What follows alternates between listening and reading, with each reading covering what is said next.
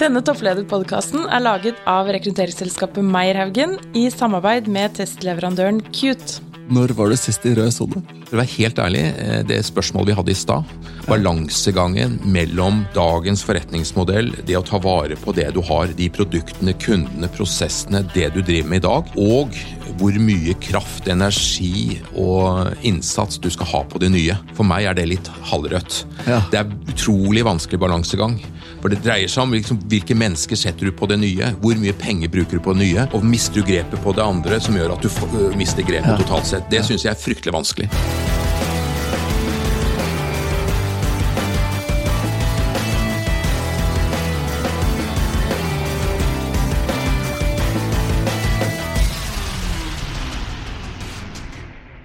Ja, Sverre. I dag er vi så heldige at vi har en veldig spennende gjest i studio. Ja, og Dette er en gjest som jeg har gledet meg veldig til å snakke med. Ja, og endelig er dagen kommet, og det er Helge Leiro Båstad. Velkommen til deg. Tusen hjertelig.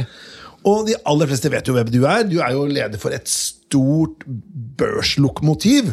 Um, Men uh, kan ikke du fortelle hvilken organisasjon er det du er uh, konsernsjef for? Jeg er konsernsjef for Gjensidige. Eh, skadeforsikring først og fremst, og litt livsforsikring.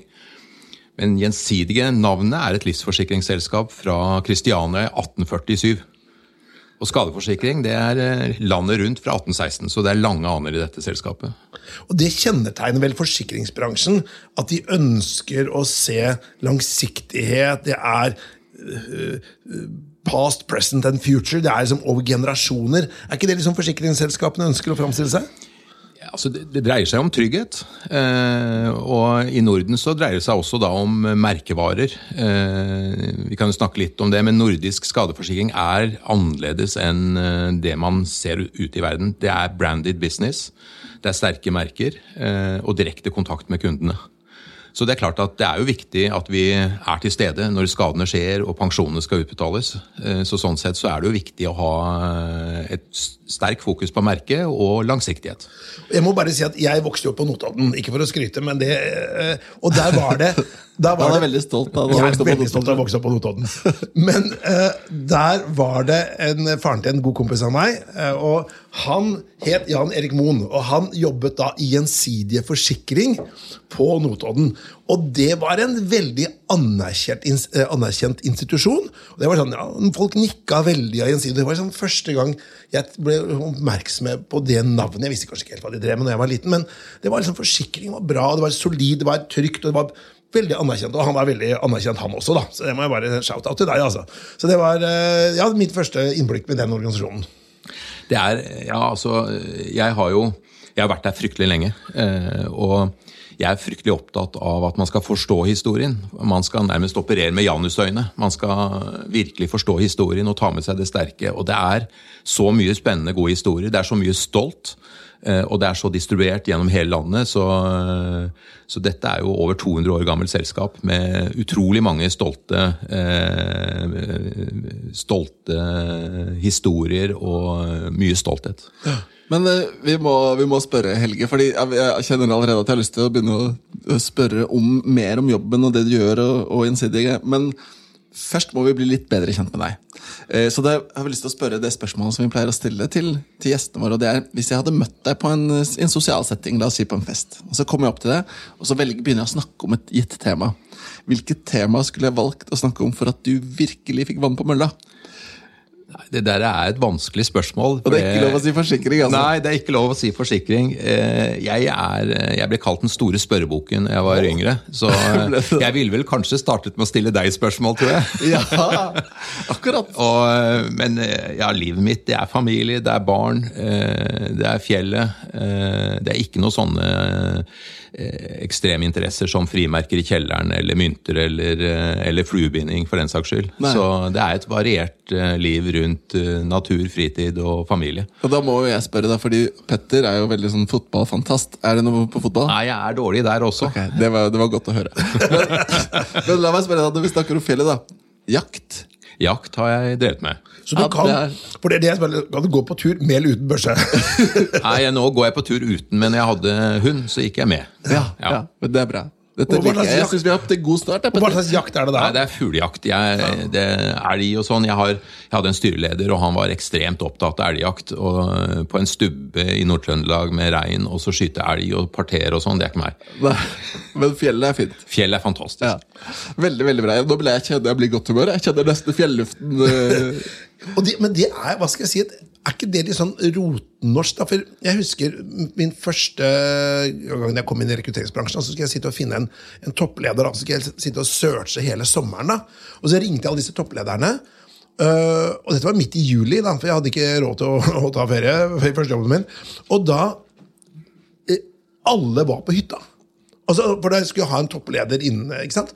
Og nesten ingen var i Frankrike. Altså, det var noen få i Frankrike, men ellers så var de på hytta, og det var ikke noe sånn der, noe, noe flotte greier nødvendigvis. Det var midt inne i Svarteskauen. Og er det, er det sånn at man har en sånn på trøkk i hverdagen at når du da skal ha sommerferie, så vil du ha ro og fred og, og ikke noen forstyrrelser? Du drar ikke til New York hvis du skal på ferie hvis du har vært toppleder? Eller hvordan har Nei, du tenkt jeg, det? ja, ja, altså det, jeg har tenkt en del på det der, fordi eh, man har jo eh, enkelte som eh, flokker seg rundt visse steder på fjellet i Norge, og visse steder langs kysten i Norge. Ja, ja. Der er ikke jeg. Jeg ønsker å finne steder hvor jeg har stillhet og fred. Eh, Jeg aner fra Voss, så jeg er mye på Vestlandet også. Eh, Så jeg trekker meg for så vidt unna mennesker og de mest eh, ja, crowded eh, områdene i ferien. Ja, ja. Så jeg Så er du- ikke på Norefjell, og jeg er ikke blindleie, for å si det sånn. Nei, nettopp. Du vil heller ha en hytte som er litt sånn ensom Ja, enn i hyttefelt. ja, ja. Jeg vil helst opp på fjellet og litt vekk. Ja. ja, det er fint. Men jeg tenkte vi skulle også prate litt om gjensidige. da. Ja. Uh, gjensidige uh, de er jo da som sagt et børslokomotiv uh, rundt sånn eh, fjerde, femte, sjette, sjuende plass på børslista. Ja. Stort stort anerkjent selskap. Holdt på nå i 200 år, som du sier. Og det er et sånn, man, man nikker anerkjennende når man hører ordet gjensidige. da. Uh, hvorfor tror du det er sånn at, uh, at liksom dere har klart gjennom 200 år, og veldig mange bedrifter er glad bare de ser morgendagen? Nei, altså jeg, Historien er jo viktig. Jeg begynte i 1998. eh, Og konkurrentene som jeg hadde da, og da begynte jeg i Skadeselskapet. I 1998 så var vi eh, både en bank og et stort livselskap og et skadeselskap. Og konkurrentene jeg hadde den gangen i Skade, de, finnes, de navnene fins ikke i dag. Det var Storebrand, de er for så vidt der, men ja. Storebrand Skade har blitt If.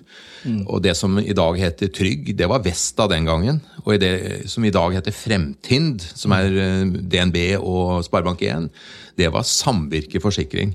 Så jeg grunnleggende, jeg har drevet med merkevare hele karrieren min, så jeg tror jo på tror jo på det man kan bygge eh, systematisk over tid inn i en merkevare. Og vårt merke er som sagt fra 1847.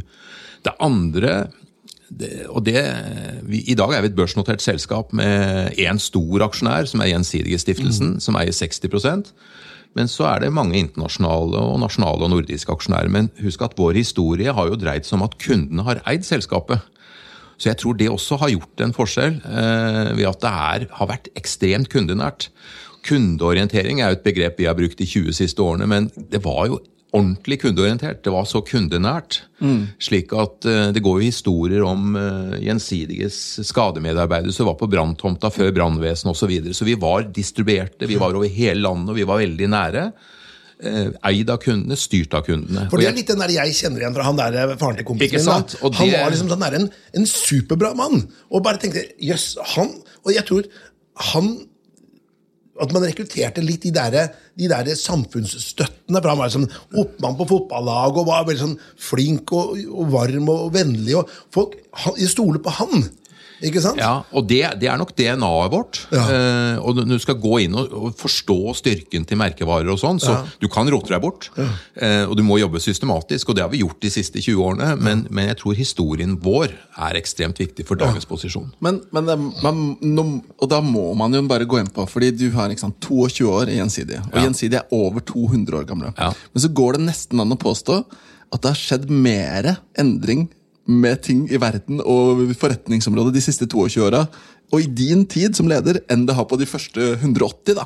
Sånn vil vel alltid være. Så jeg tenker at eh, når dere står her og, om 20 år igjen og, og snakker med en eller flere nye CEOs eller konsernsjefer i en CEO, så har det skjedd enormt mye. Og vi kan godt snakke om fremtid, for jeg tror det vil skje veldig mye fremover.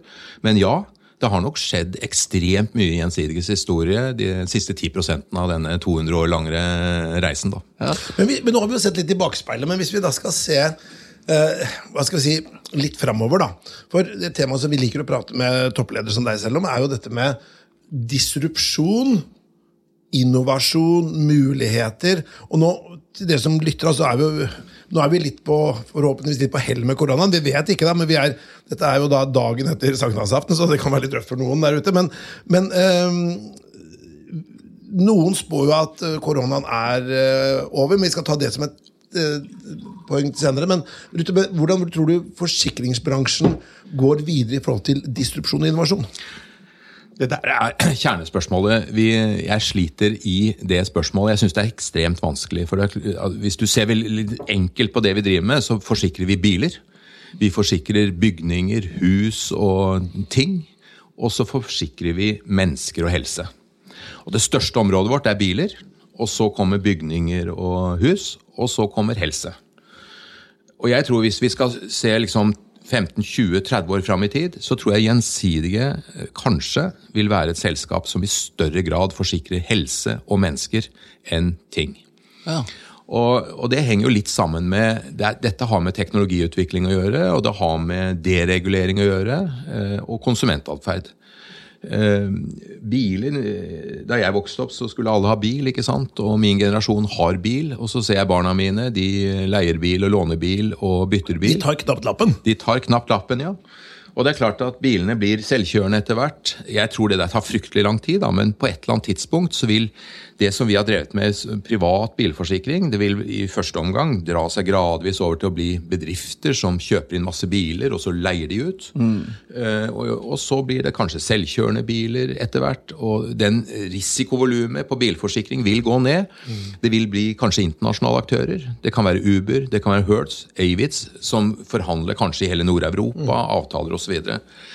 Og, og, og, så er det jo ingen hemmelighet at vi tjener godt med penger på bilforsikring. Så det er liksom, hvordan klarer vi å ta vare Krasjer vi litt i Norge?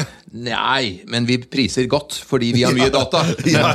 Så du kan si at hvordan klarer vi å ta vare på dette her? Eh, samtidig som vi innoverer og utvikler både eh, forretningsmodeller, produkter og tjenester, slik at vi er sterke om 30 år også. Ja, det, er det, det er det vanskeligste jeg lever i for øyeblikket. Fordi den historikken dere har, er jo egentlig unntaket som bekrefter regelen. Og jeg vil jo tro at du har, må ha tenkt mer enn én en sen nattetime at uh, hva kan jeg gjøre for at ikke vi skal bli Kodak?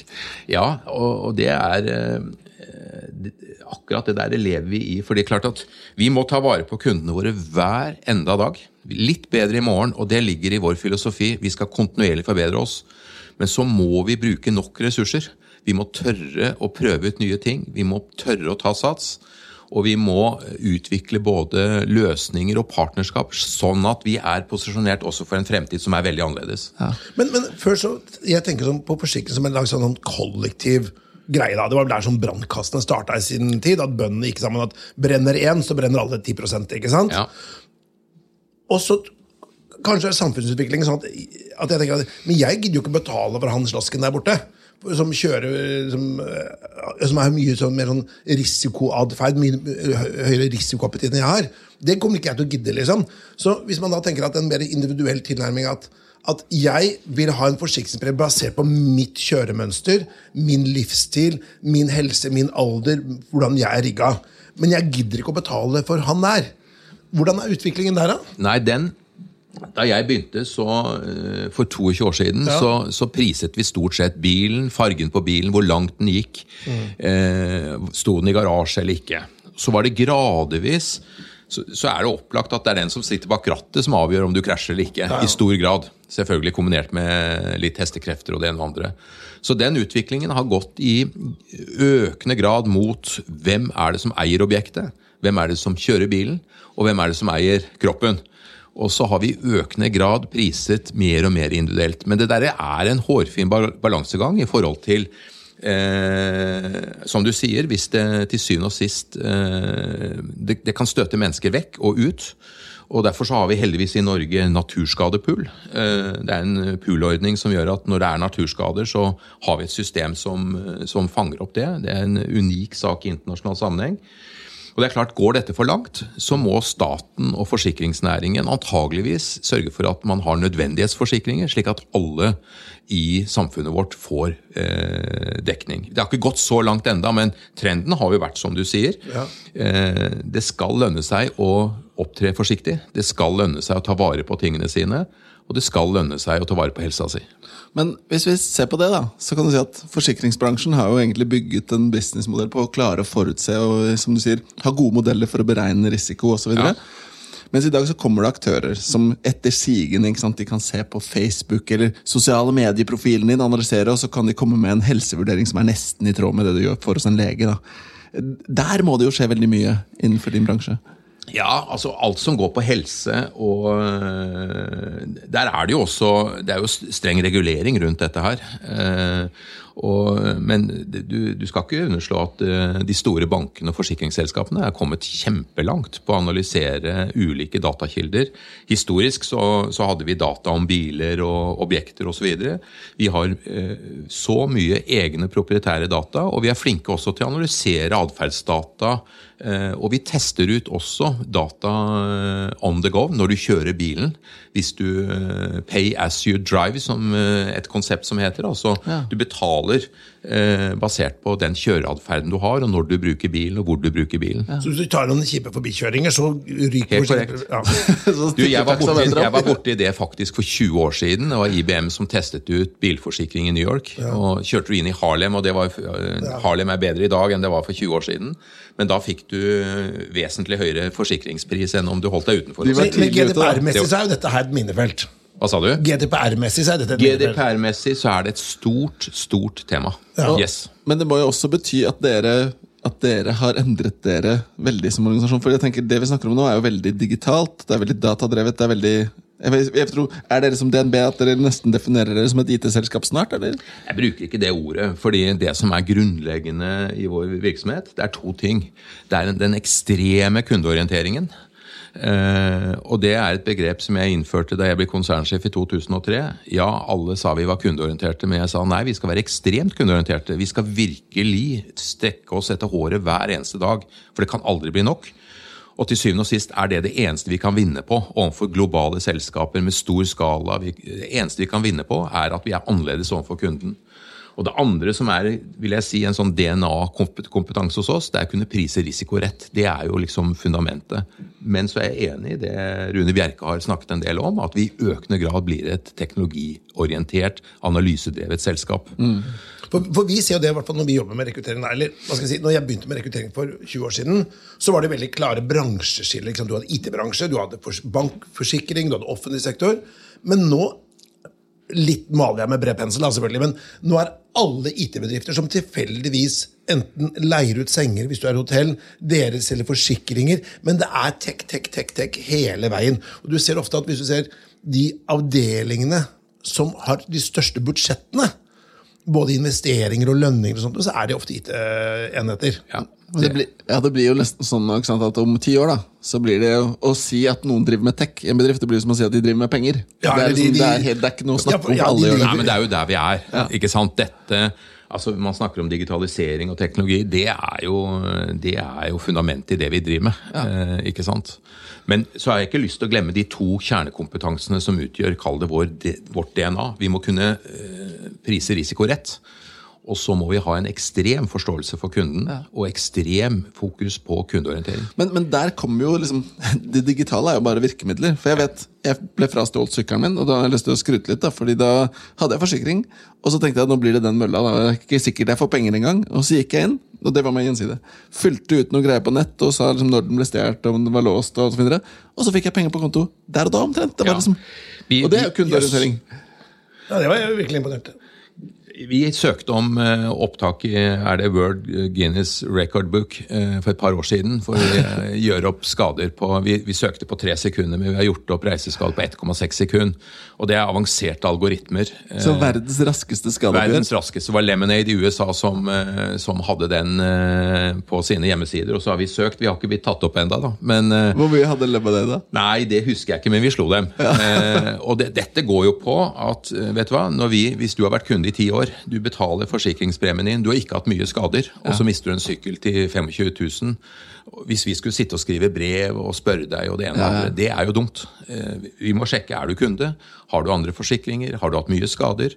Og da er det teknologien og algoritmen som bestemmer at det går på konto hos deg umiddelbart. For nå høres det ut som vi, vi snakker som en betalt gjensidig reklame her nå, men, men opplevelsen var veldig positivt og uventet bra. da. Det var, det var liksom sånn det føltes den gangen. Men du, jeg tenkte vi skulle prate også litt om Skal jeg få lov til å skryte litt først? Ja, gjør det. For, for uh, i 2003-2004, da vi introduserte visjonen vår, som egentlig ikke var Det var ikke noe, noe nytt, men uh, vi, vi sa det at vi skal kjenne kunden best.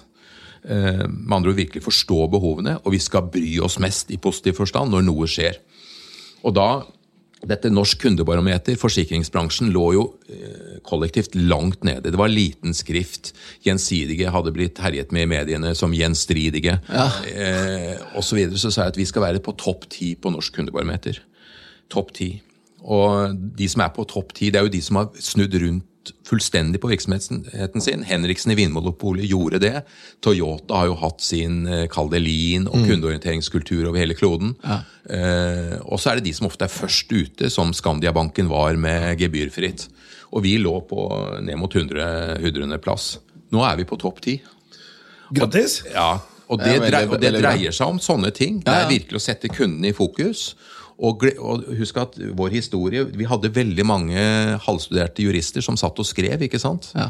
Eh, og, og vi må bruke data. Vi må forstå kundene, og vi må gjøre ting eh, ukomplisert og enkelt overfor kundene. Og vi har klart å komme Som bransje, vil jeg si. Dette er ikke bare oss, men som bransje har vi tatt et langt skritt. Ja. Jo, jeg tenkte jeg skulle pr eh, også prate litt om det som har vært en kanskje litt, til og med litt mer enn en snakkis de siste eh, månedene. Det her covid-19. Um, og jeg leser, jeg jobba jo tidligere i Norges Bank, så jeg leser de rapportene der, og de spår jo at, at norsk økonomi har tatt seg opp mye raskere enn det de hadde fryktet. Og, øh, men så er det noen som prater vi en, av denne podkast med Almli i NHO her for et par øh, uker siden, og han sa at vi kommer til å merke covid-19 i ti år framover. Litt sånn mixed messages, da. Og hva tenker du? Hva, hva, hva, er vi over det verste nå? Eller er the worst yet to come? Eller vet vi ikke? Eller hva tror du? Ja. Nå er jo Amelie ute i dag og sier at det ser vesentlig bedre ut nå. Han er vesentlig mer optimist i dag enn han var i slutten av mars. Og det er vel jeg også. Men så ser vi dette R-tallet som det snakkes om. Full fart opp i Tyskland igjen. USA. Så det er klart at får vi en ny bølge, så kan jo dette bli vondt over lang tid. Så er det jo slik at uh, SSB de eh, estimerer jo minus 4% i BNP-utvikling i 2020. Og mister man et år, så tar det lang tid å ta igjen det. Men, men jeg vil jo si at uh, hvis vi ikke får en ny bølge, så tenker jeg at dette ser vesentlig lysere ut enn eh, hva jeg også trodde for én til to måneder siden. Eh, og så tror jeg vel, eh, og, og ser man på SSB, eh, eh, så, så de spår jo 4 i BNP-vekst igjen til neste år. Altså ikke noe dyp resesjon som varer over tid. Så da var det et år som ble borte. Og så er det nok masse læring i, i denne covid-19, både i forhold til arbeidsplasser, men jeg tror myndighetene òg. Jeg, jeg hadde en samtale med Ådne Cappelen i SSB som sier at tenk deg hvis vi, verdens rikeste land, hadde tatt oss eh, råd til å investere i et, eh, et eh, eget sykehus, smittevernssykehus i østlandsområdet, da hadde vi kanskje unngått å stenge ned Norge sånn som vi gjorde. For vi stengte jo ned pga. kapasiteten i sykehussektoren. Så det er nok noen lessons learned når man skal kikke tilbake. Fordi dette med pandemier, det har man jo visst vil komme. Eh, Det kommer til å skje igjen. Hvordan, hva, med, hva med dere, da? Hvis du tenker internt gjensidig, har dere noen lessons learned? Vi har det. altså jeg vil jo si at eh, jeg er stolt av organisasjonen vår. Vi stengte jo praktisk talt ned hele kontorvirksomheten vår 12.-13. mars. Så har vi operert virksomheten på hjemmekontor eh, gjennom hele Norden, bortsett fra Sverige, for de har hatt litt annen tilnærming.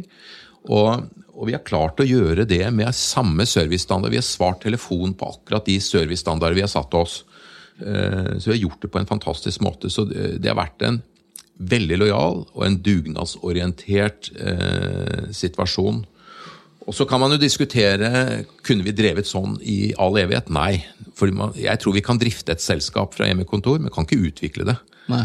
Eh, Du kan ha Teams-møter for å liksom ha avsjekk på saker og ting, men skape nye ideer, bryte meninger, det tror jeg må sitte sammen. sagt. Du kan drifte, men ikke utvikle det. Det er liksom, Du kan opprettholde status quo, Ja. men du kan ikke ta noen jafs. Ja. Men det, eh, vi ser jo noen andre organisasjoner så har jo dette medført potensielt en varig endring i arbeidsmåte, sånn som Telenor, som sier at nå er det liksom De endrer reglene for hjemmekontor. Er det noe, skjer det noe sånt hos dere? Vi, vi, vi, eh, nå sitter vi og, og vurderer også nytt hovedkontor om eh, i slutten av 2023 så skal vi så går kontrakten vår ut. Og det er klart at Vi tar med oss dette inn i hvor mange kvadratmeter og hvordan kommer vi til å jobbe i fremtiden. Og det forandrer seg jo hele tiden. Jeg tror jo, jeg, ikke, jeg tror vi kommer til å bruke mer hjemmekontor fremover enn hva vi har brukt historisk, men jeg ønsker ikke å gå ut slik som jeg har sett andre gjort. For jeg tror dette må styres mye strengere enn å si liksom, gjør hva dere vil. For det, hvis, det, hvis, hvis man har en ledergruppe, og så sitter halvparten på kontor og andre halvparten hjemme, dynamikken blir svært dårlig. Ja. Man må bestemme eh, og styre litt. Hvem er det som har jobber som kan sitte mer hjemme? Hvem er det som har diskusjoner og er i prosesser hvor man må være fysisk sammen? Så selv om det høres litt autoritært ut, så er det ikke det. Men jeg tror vi må styre mer og være mer differensierte og segmenterte i hvordan dette skal gjøres fremover. Så vi vil trekke læring på dette, og så kommer vi til å, å tydeliggjøre det for organisasjonen utover høsten. Det blir mer hjemmekontor, men vi kommer til, som jeg sa i stad, vi utvikler ikke selskapet ved å sitte hjemme. Nei. Du, jeg tenkte vi skulle gå over til dette her, siden det er en topplederpodkast. Altså, jeg tenkte vi skulle også prate om dette med topplederskap. Eh, du har toppledere, det er de som er nummer én i organisasjonen, sånn som deg selv. Og så har du de som er mellomledere, de som er både ledere over seg og under seg. Hva vil du si er den største forskjellen på det å være mellomleder og det å være toppleder? Jeg tror altså Det å være mellomleder Altså, den tøffeste jobben vi har, det er eh, de som er førstelinjeledere. Ja. Den er knallhard. Du skal forholde deg til Nå er jeg på de som leder et kundesenter, et kontor, en skadeprosess. Mm. I gamle dager i industrien så kalte man det formenn. Det er knalltøft. Da skal du være på hele tiden i forhold til dine medarbeidere. Og så blir du overøst med ulike instruksjoner om det ene og det andre. I vårt tilfelle så er det compliance, og det er GDPR, og det er det ene og det andre, og det er rapportering. Dernest så tror jeg mellomlederne våre står eh, konstant i ganske stort trøkk. Du kan si min hverdag er nok bedre, men når det virkelig drar seg til, så er jeg mer ensom. Mer alene. Dette synes jeg var veldig godt reflektert. Jeg synes det, for det er morsommere eh, Vi har jo snakket med noen toppledere i den podkasten her før, men den der forskjellen der har vi ikke snakket om før. Eh, For mellomledelse er jo en krevende ting. Og, Den er vanskelig. og førstelinjeledere. Og så er det mange som nevner det du sier. Ensomheten, da. Når Ja. det skrur seg til. det, men du, altså jeg har et godt styre, jeg har en klok og god styreleder, så du er, og så har jeg utrolig dyktige kollegaer rundt meg. Eh, Men så er det jo alltid slik, hvis det virkelig blir vanskelig, så er du aleine. Jeg har hatt et par-tre sånne episoder opp igjennom i min karriere. Ellers så har den egentlig vært ganske god. Eh, Det har gått godt. Eh, Det har ikke vært noen store kriser, men vi ser jo selskaper som er i, i dype, dype kriser for øyeblikk og, og tidligere, og da sitter topplederen vondt til. Ja.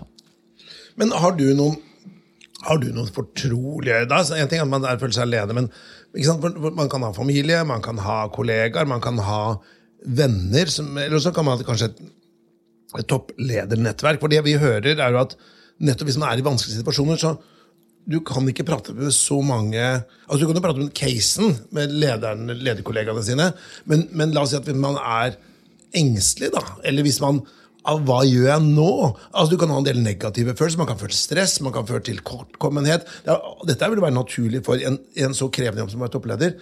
Så er det ikke så mange å ta det ut på. da Fordi hjemme så aner jo ikke de hvordan det er å være toppleder. Og en kompis fra barndommen som kanskje ikke er toppleder, har jo i hvert fall ingen idé hvordan det er. Nei, Nei jeg, har, jeg har altså De helt vanskelige tingene kan ikke jeg eh, drøfte hjemme eller med venner. Heller ikke noe sånn ledernettverk. Nei. Jeg har hatt kloke styreledere som jeg har hatt Ikke nært sant? forhold til. Og så har jeg i, gjennom mine nå, hva blir det, 17-18 år som konsernsjef, så har jeg hatt øh, Jeg har hatt én til to i organisasjonen som ikke har vært i konsernledelsen, men som har hatt sentrale stillinger. Og så har nok hele organisasjonen visst at de har brukt dem. Eh, høy integritet, svært kloke. Og fulgt meg hele perioden. Mm. Eh, til tider litt vanskelig, for da eh, vedkommende som eh, nå er pensjonist eh, visst, ja, Organisasjonen har jo visst at de har brukt han som rådgiver. Eh, så han er blitt sånn mellommann i vanskelige situasjoner av og til. Eh, nå har jeg en i konsernledelsen som er like gammel som meg, som heller ikke liksom skal jobbe i, i evighetens eh, tid. Inn, så du må ha noen du kan være helt åpne med. Mm. Mm. Ja, for man, Noen ganger så trenger man jo bare sånn debrife. da, Jeg bare tenker på meg selv, Hvis jeg har hatt vanskelige perioder, så jeg går ikke dit for å få et konkret råd. For det er ikke at de sitter med noe mer informasjon enn det jeg gjør. Men det er rett og slett bare det å prate, prate om Ja, rett og slett debrife. Det ser sånn, hva skal jeg si, jeg har sett så mye sånne spionserier. da, og da ser du de, de, de spionene som er, de lever under høyt stress hele tiden. Og de trenger en sånn føringsoffiser som bare er en skulder å gråte på. da, Eller bare sånn åh, ja, jeg vet det er tøft, ja, sånn, sånn. ikke sant, bare, Du får ikke noen gode råd. Du er bare et medmenneske som de kan ventilere det ut for. da. Ja. Nei, altså, Og det, det må du ha. Ja. Altså, Min karriere Jeg holder av og til et innlegg om uh, hvordan det har vært å være toppleder så, uh, så, lenge. Og så har jeg på en måte delt inn mine 18 år gjensidige i ulike faser, og så har jeg fargelagt det i grønt og gult og rødt.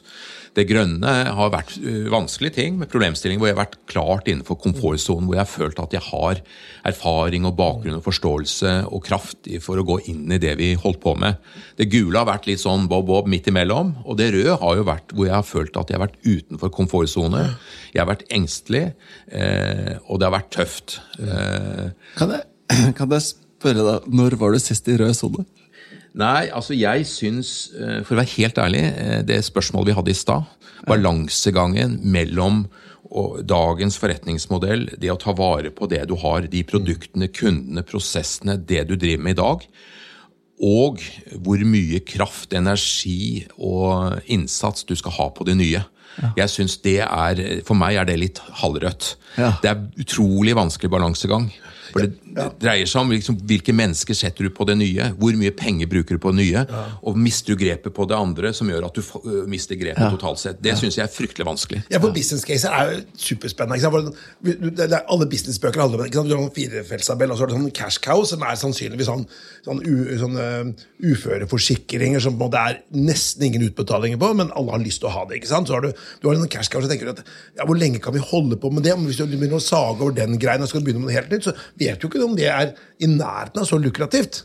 Så, men du, jeg tenkte jeg skulle bli berømme deg, for du er, jeg tenkte på at du er den første topplederen vi har hatt der inne på podcast som kommer med båtnøkler. og legger det, Du kommer faktisk med båt hit, og det er jeg faktisk imponert over. Vanligvis kommer de enten med, med, med, biler og kanskje har sykla ja, eller med en Uber, men her er det rett og slett båtnøkler som ligger på bordet vårt. For den fikk jeg ikke bare, du, du, for jeg hørte båt, men du kjørte altså inn med egen båt? Ja, jeg gjorde det. Jeg, på sommeren så bor jeg på en øy utenfor uh, Askelandet. Ja. Og jeg kom med båt, og så har jeg brukt sånn elektrisk sparkesykkel. Eh, det, jeg kunne godt, da, men jeg hadde litt dårlig tid, så jeg har kommet med det. Og så av og til når jeg snakker med, med investeringsbanker og sånn i London Du vet, vi lever i en annerledes verden eh, her i Oslo. Det er fantastisk. Altså Marka rett inn, ski på vinteren, fjorden ja. rett ut. Så det, det, er jo, Man skal jo av og til klippe seg selv i armen og minne seg selv om hvor privilegerte vi er. Også. Og det er det man i UD kaller Nordmarka-syndromet. Ja, ja. og, og, det er det sånn der, for De prøver å få folk til å flytte ut. Da. Til og med i UD så er det vanskelig, hvis det ikke er de store metropolene. Så det, og, så, og, så, husker jeg prata med en som sier at det, Oslo, da, nå blir det litt sånn Oslo-kjærlighet, men det får vel heller stå seg. Oslo er den hovedstaden i verden da, hvor du har alle de spennende jobbene en hovedstad tilbyr. Men du har Marka eh, med en T-banetur unna. Ja. Du har eh, fjorden med øyer. Du kan ta båter som er som måte, med offentlig kommunikasjon. Du kan ha egen båt. Og du, det er relativt trygt og rolig her. Det er en perfekt situasjon. Altså, det er unbeatable i verdenssammenheng. Da. Ja. Jeg, har, eh, jeg har tidligere gått ut døra 18 minutter senere vært i jaktterreng og skutt tiur. Ja, Det er jo helt fantastisk. Det er ikke så mange hovedsteder i Europa du kan gjøre det med. Nei, det der, jeg, Datteren min yngste hun tok videregående skole i England og studerte i Canada. Og, og, det var liksom fare for at hun skulle bli ute for evig og alltid. Og da hadde jeg en sånn Come to Jesus-samtale med henne hvor jeg forteller henne litt om eh, at det også dreier seg om liv og livskvalitet. Så hun kom hjem da, heldigvis. Men jeg tenkte vi skulle gå til dette med personlighet. Ja, det er akkurat det jeg tenkte òg, faktisk. Ja, ja. For nå har vi jo nå har vi snakket litt med deg Vi begynner om... å bli som gammelt ektepar. Vi, Sverre. Vi, vi, vi veit jo hva hverandre tenker. Ja, Men du har nevnt noe Du, du har sagt noen tidligere om liksom dette med å ha noen å være åpen med. og Så får man jo litt inntrykk av deg på noen områder basert på hva du har sagt. Men hvis jeg skulle spurt deg eh, med egne ord, da, hvordan vil du beskrive din egen personlighet? Nei, jeg, jeg, er, jeg er interessert i mennesker. Eh, Jeg er opptatt av mennesker og nysgjerrig på mennesker. Og det, det tror jeg du må være for å være leder. Eh, Og det pleier jeg å snakke med veldig mange som blir ledere for første gang. Fordi det er, altså Historisk så har det vært sånn eneste mulige måten å få karriere og lønn på er å bli leder. Og det er tull, for sånn kommer det ikke til å være fremover. Så, sånn sett så er jeg, jeg er nysgjerrig på mennesker. Eh, Det andre er at, eh, og det har vel noe med karrieren min Jeg kom inn i Gjensidige som 37-38 år gammel uten å ha vært i finans og forsikring i det hele tatt. Så, sånn sett så måtte jeg eh, lene meg på andre. Jeg måtte være åpen på hva jeg hadde av erfaring og ikke erfaring. Og sånn sett så tror jeg at jeg opererer ydmykt, da. I forhold til eh, å lede med spørsmål eh, og ikke lede med svar. Eh, og det er noe jeg i hvert fall tror på også som, Du, som, som leder. Lede med spørsmål, ikke lede med svar. Ja. Det, var sånn der, det er så mye sånn uh, bombshells her i forhold til gode kommentarer. Bra sitat. Jeg hadde jo ikke svarene, ikke sant? Nei. Og sånn sett så har, og, og det, når jeg ser tilbake nå, så, så veien blir jo til mens du går. Men, men jeg, jeg tror grunnleggende på å lede med spørsmål og ikke lede ved, med, med svar. Selv om du kanskje sitter inne og føler svaret. Eh, og så tror jeg jeg får folk til å trives eh, rundt meg. Og jeg tror jeg får folk til å være relativt trygge. Der er det sikkert ulike, opp gjennom en karriere, ulike eh, uttalelser, da. Ja. Men, men grunnleggende så er jeg glad i mennesker. Nysgjerrig på mennesker. Jeg liker eh, å lede med spørsmål og ikke lede med svar. Og, og jeg tror jeg klarer å skape team som har det moro sammen og er trygge sammen. Nå, vi, vi bruker jo personlighetstester når vi jobber med rekruttering av ledere og spesialister. og Da samarbeider vi med Cute, som er en testleverandør. Ja. De har en, eh, en testmodell som de kaller Shapes Executive. Og så har de noen faktorer der som de mener laster ekstra inn på ledelse. Da. Nå har jeg lyst til å bare gjøre en sjekk med deg. Gjør det. Nå skal jeg lese opp noen sånne faktorer, og så er spørsmålet er dette noe du har, eller tror du dette har vært liksom medvirkende til at du i dag sitter i en topplederstilling? Ja. Er du klar? Ja. Overbevisende, Ja. hensynsfull, Ja. resultatfokusert. Ja, men eh, jeg har folk rundt meg som er mer resultatorientert enn meg. Ja. Eh, besluttsom. Tja, jeg bruker tid. Ja, det er interessant. Teoretisk. Nei. Nei. Optimistisk. Ja.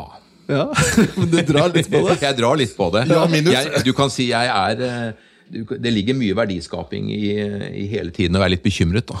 Så jeg er mye bekymret. Ja. Eh, behersket. Ja. Ja. Blir ikke så lettsint.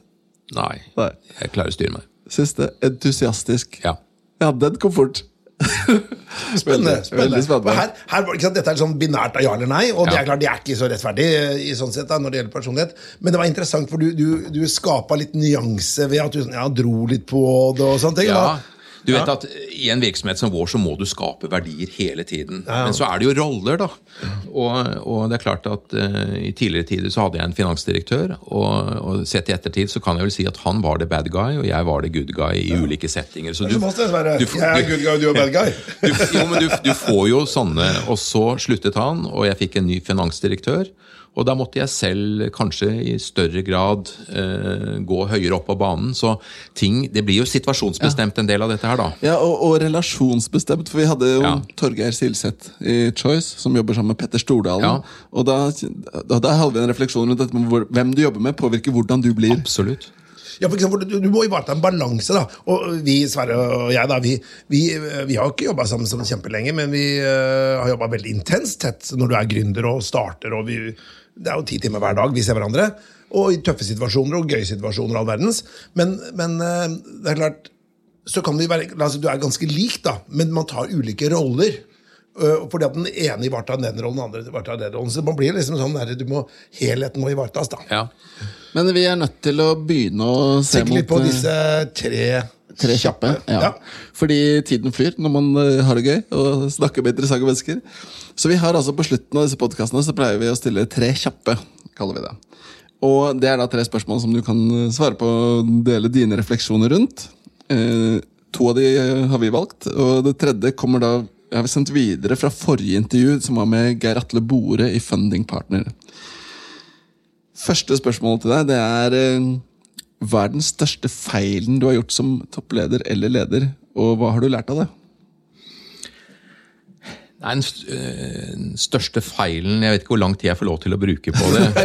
Vi må, vi må, ja, altså, vi, Vi kan ha en egen podkast. Jeg, jeg, jeg, kan, jeg kan godt, og det, jeg, har, jeg har delt det i ulike settinger, men jeg, eh, jeg var eh, Jeg begynte i Gjensidige i 1998, og jeg ble konsernsjef 1.1.2003. Eh, Og I 1999 så fusjonerte Gjensidige med Sparebanken Nord, og vi lagde Gjensidige Nord. Det var bank, og det var liv, og det var skade. Jeg satt i skade, og skade eide en stor del av bank- og liv-delen av det konsernet. Eh, Jeg ble utnevnt som konsernsjef, eh, 42 år gammel, eh, midten av 2002. Og så begynte jeg som sagt 1.1.2003.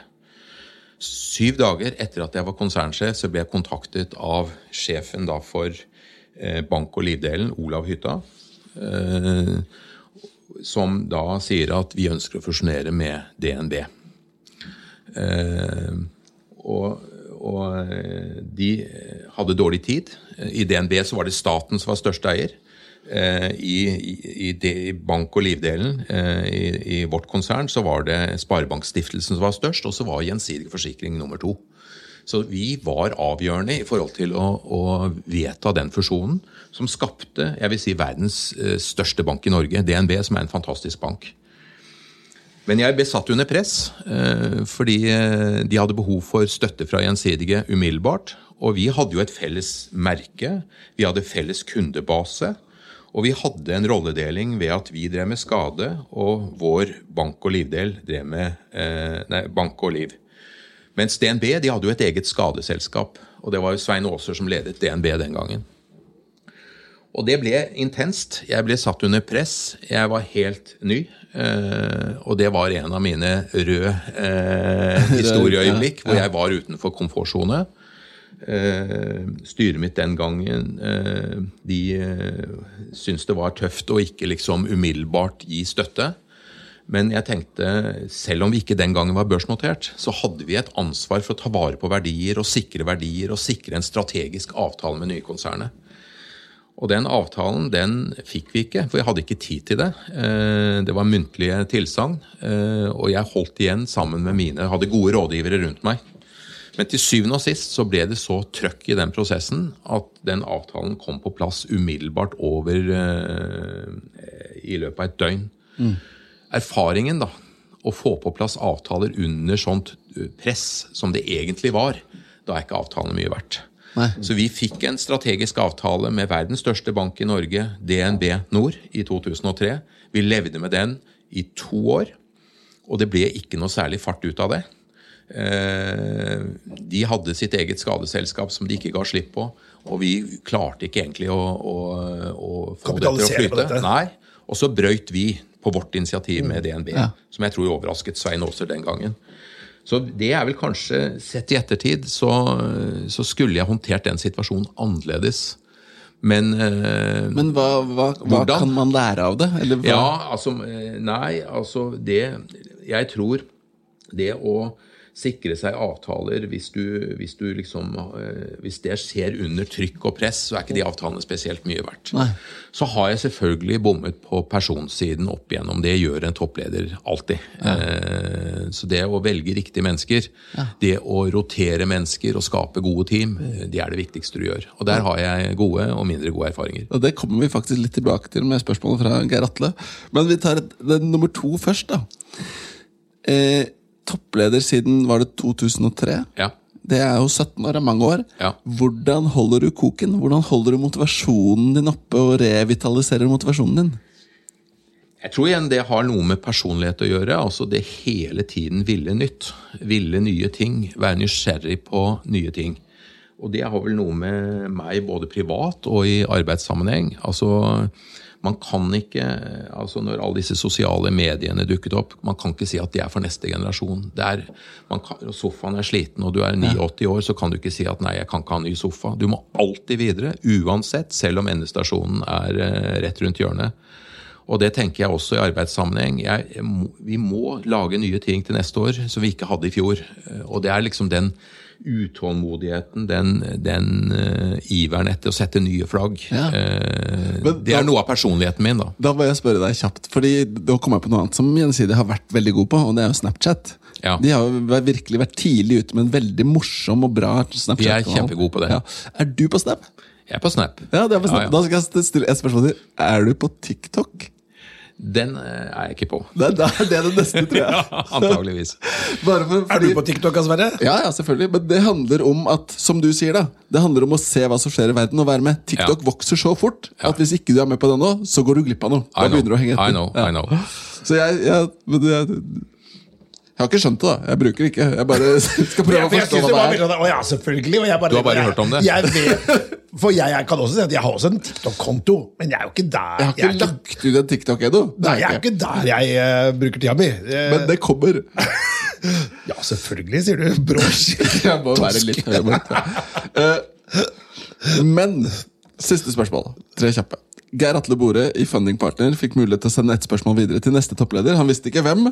Um, Spørsmålet er da Hva er ditt hemmelige triks på intervju, som er relatert til gode valg der? Hvilket spørsmål stiller du for å finne ut om en person er riktig for den jobben du skal ha vedkommende til? Ja, Det er et godt spørsmål, og jeg, jeg, har ikke, jeg har ikke noe sånn enkeltspørsmål, men jeg borer litt i personlighet. Jeg borer litt i bakgrunn, langt tilbake i tid. Og jeg eh, er litt sær. Jeg spør av og til om norskkarakteren på gymnaset, og det er jo ingen andre toppledere som gjør. Eh, Ikke så vanlige spørsmål. Nei, det er ikke det, men vet du hva? formuleringsevne, kommunikasjonsevne og det å kunne språk det, Selv om jeg leser uti her at det er en voldsom debatt i kommunikasjonsbransjen for øyeblikket.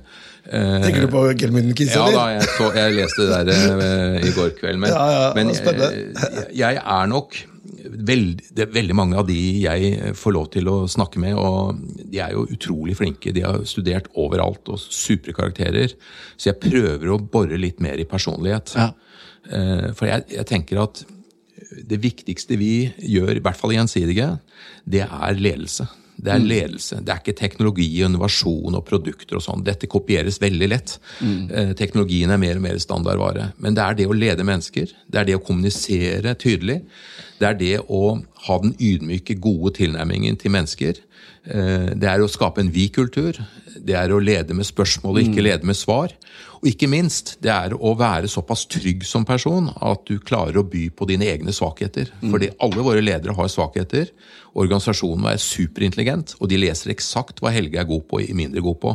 Og da er det usjarmerende hvis jeg later som jeg er god på ting som jeg ikke er god på. Ja. Så jeg prøver å forstå Skryte på seg litt TikTok-kunnskap, f.eks. Det, det hadde vært helt feil, feil Så ting å gjøre. jeg, jeg borer i personlighet. Ja, ja. Jeg borer i personlighet uh, mer enn uh, liksom ett enkelt spørsmål på uh, hva er det som gjør at du får til ditt og datt. Så ektehet og prøve å få tak i det Ja, som trygghet.